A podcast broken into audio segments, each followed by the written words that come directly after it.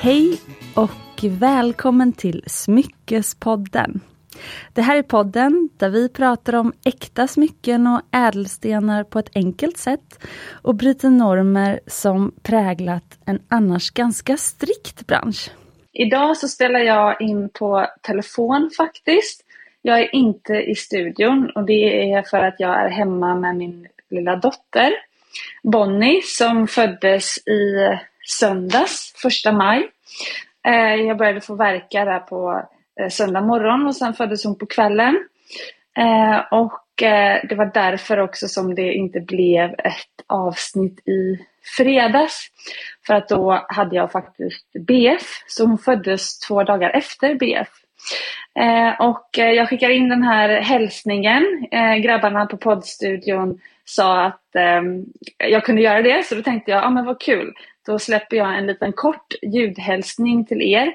Och så tänkte jag berätta att eh, jag tänkte ta två veckor till eh, poddledigt. Eller ledigt från allt egentligen. Och sen så är faktiskt podden en av de grejerna som jag tänkte fortsätta med. Eh, jag och min kille kommer dela på föräldraledigheten från början. Så han kommer vara föräldraledig två dagar i veckan.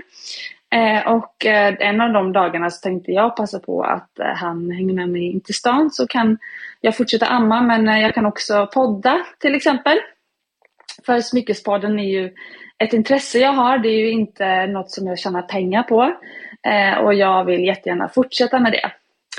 Eh, men just nu så njuter jag väldigt mycket av eh, bebisbubblan. Jag visste inte hur jag skulle reagera förstås, det vet man ju inte när det är ens första barn. Eh, men eh, jag blir mer och mer kär i den här lilla saken för varje dag som går. Och eh, det är så himla mysigt. Och jag känner att livet på ett sätt fortsätter precis som vanligt. Samtidigt som jag har fått mer harmoni. Och saker och ting kan få ta lite längre tid. Så jag hoppas att ni tycker att det här låter bra och att ni längtar till nästa avsnitt kommer igång igen. Det bör ju bli då inte idag och inte nästa vecka men förhoppningsvis fredagen efter det.